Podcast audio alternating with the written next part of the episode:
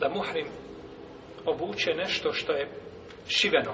Ono što je šiveno ne smatra se samo što je prošiveno.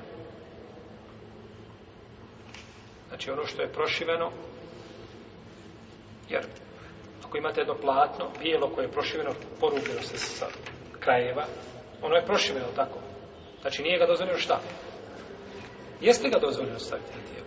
Zato što to nije šiveno da je skrojeno u obliku a, tijela na koje se šta oblači košulja ili skrojena u obliku na tijelo jeste ima rukave ima rukavice vidjet ćemo kad dođemo od pitanja žena rukavice skrojene na jesu a, unutrašnji veš jeste kapa ili skrojena za glavu jeste znači ono što je skrojeno pantalone su skrojene štapu kako jesu, je tako, nogavice, struk, sve skojeno za tijelo.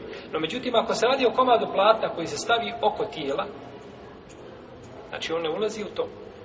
Pa nije, znači, prošiveno da mora bi, jer konac svakako ima unutra, je tako, kada se platno, kod pravljena platnja, kod tkanja, ima šta? Konac mora biti unutra. Bilo da ga je mašina stavila ili da je šta? Stavljen pravljenjem, to nije, nije znači, sporno pa se ne smije, znači, ne smije se obući košulje, ne smije se obući pantalone i veš uh, i slično, jeli, tome što je e, krojeno uz, uh, uz jeli, tijelo, kapa na glavu, rukavice za žene, ne smije se obući čarape, jer su čarape krojene zašto? Za nogu, znači, to oblik noge tačno je krojena. I slično tome. Dokaz tome je hadis koga bileže Buhare i Muslim od Ibn Omara, radijallahu ta'ala anuhuma, da je čovjek pitao poslanika, sallallahu alaihi wa sallame, šta smije obući muhrim od odjeće, pa mu je rekao poslanik, sallallahu alaihi šta ne smije obući. Svatate? Jer osnova kod odjeće je šta? Halal ili haram? Halal. Halal. Osnova kod oči je halal. Osnova kod hrane je halal. Osim a, ako dođe argument koji ukazuje da je to zabranjeno. Osnova kod ibadeta je šta?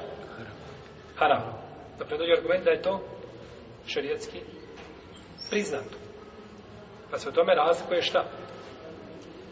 Pa se u tome razlikuje ibadet klasični od stvari koje su a, vezane, znači nisu direktno vezane za vjeru, nego su znači od a, dozvoljeni stvari koje, koje je uzvišen na vas koje je stvorio da se čovjek sa njima koristi.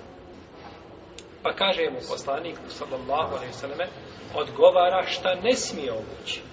Jer ono što smije što ne smije obući je znači i ovim a, propisima mubah se spominje ono što se ne smije. A kod propisa se spominje ono što se smije.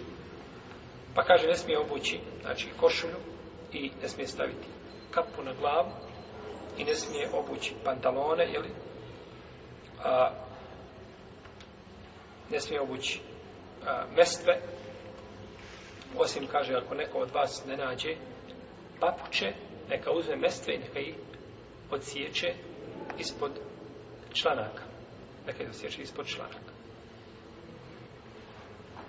I neka ne oblači ništa što je dotakao zaferan ili vorsi vrste mirisa, jel? Znači, ne smije se mirisati.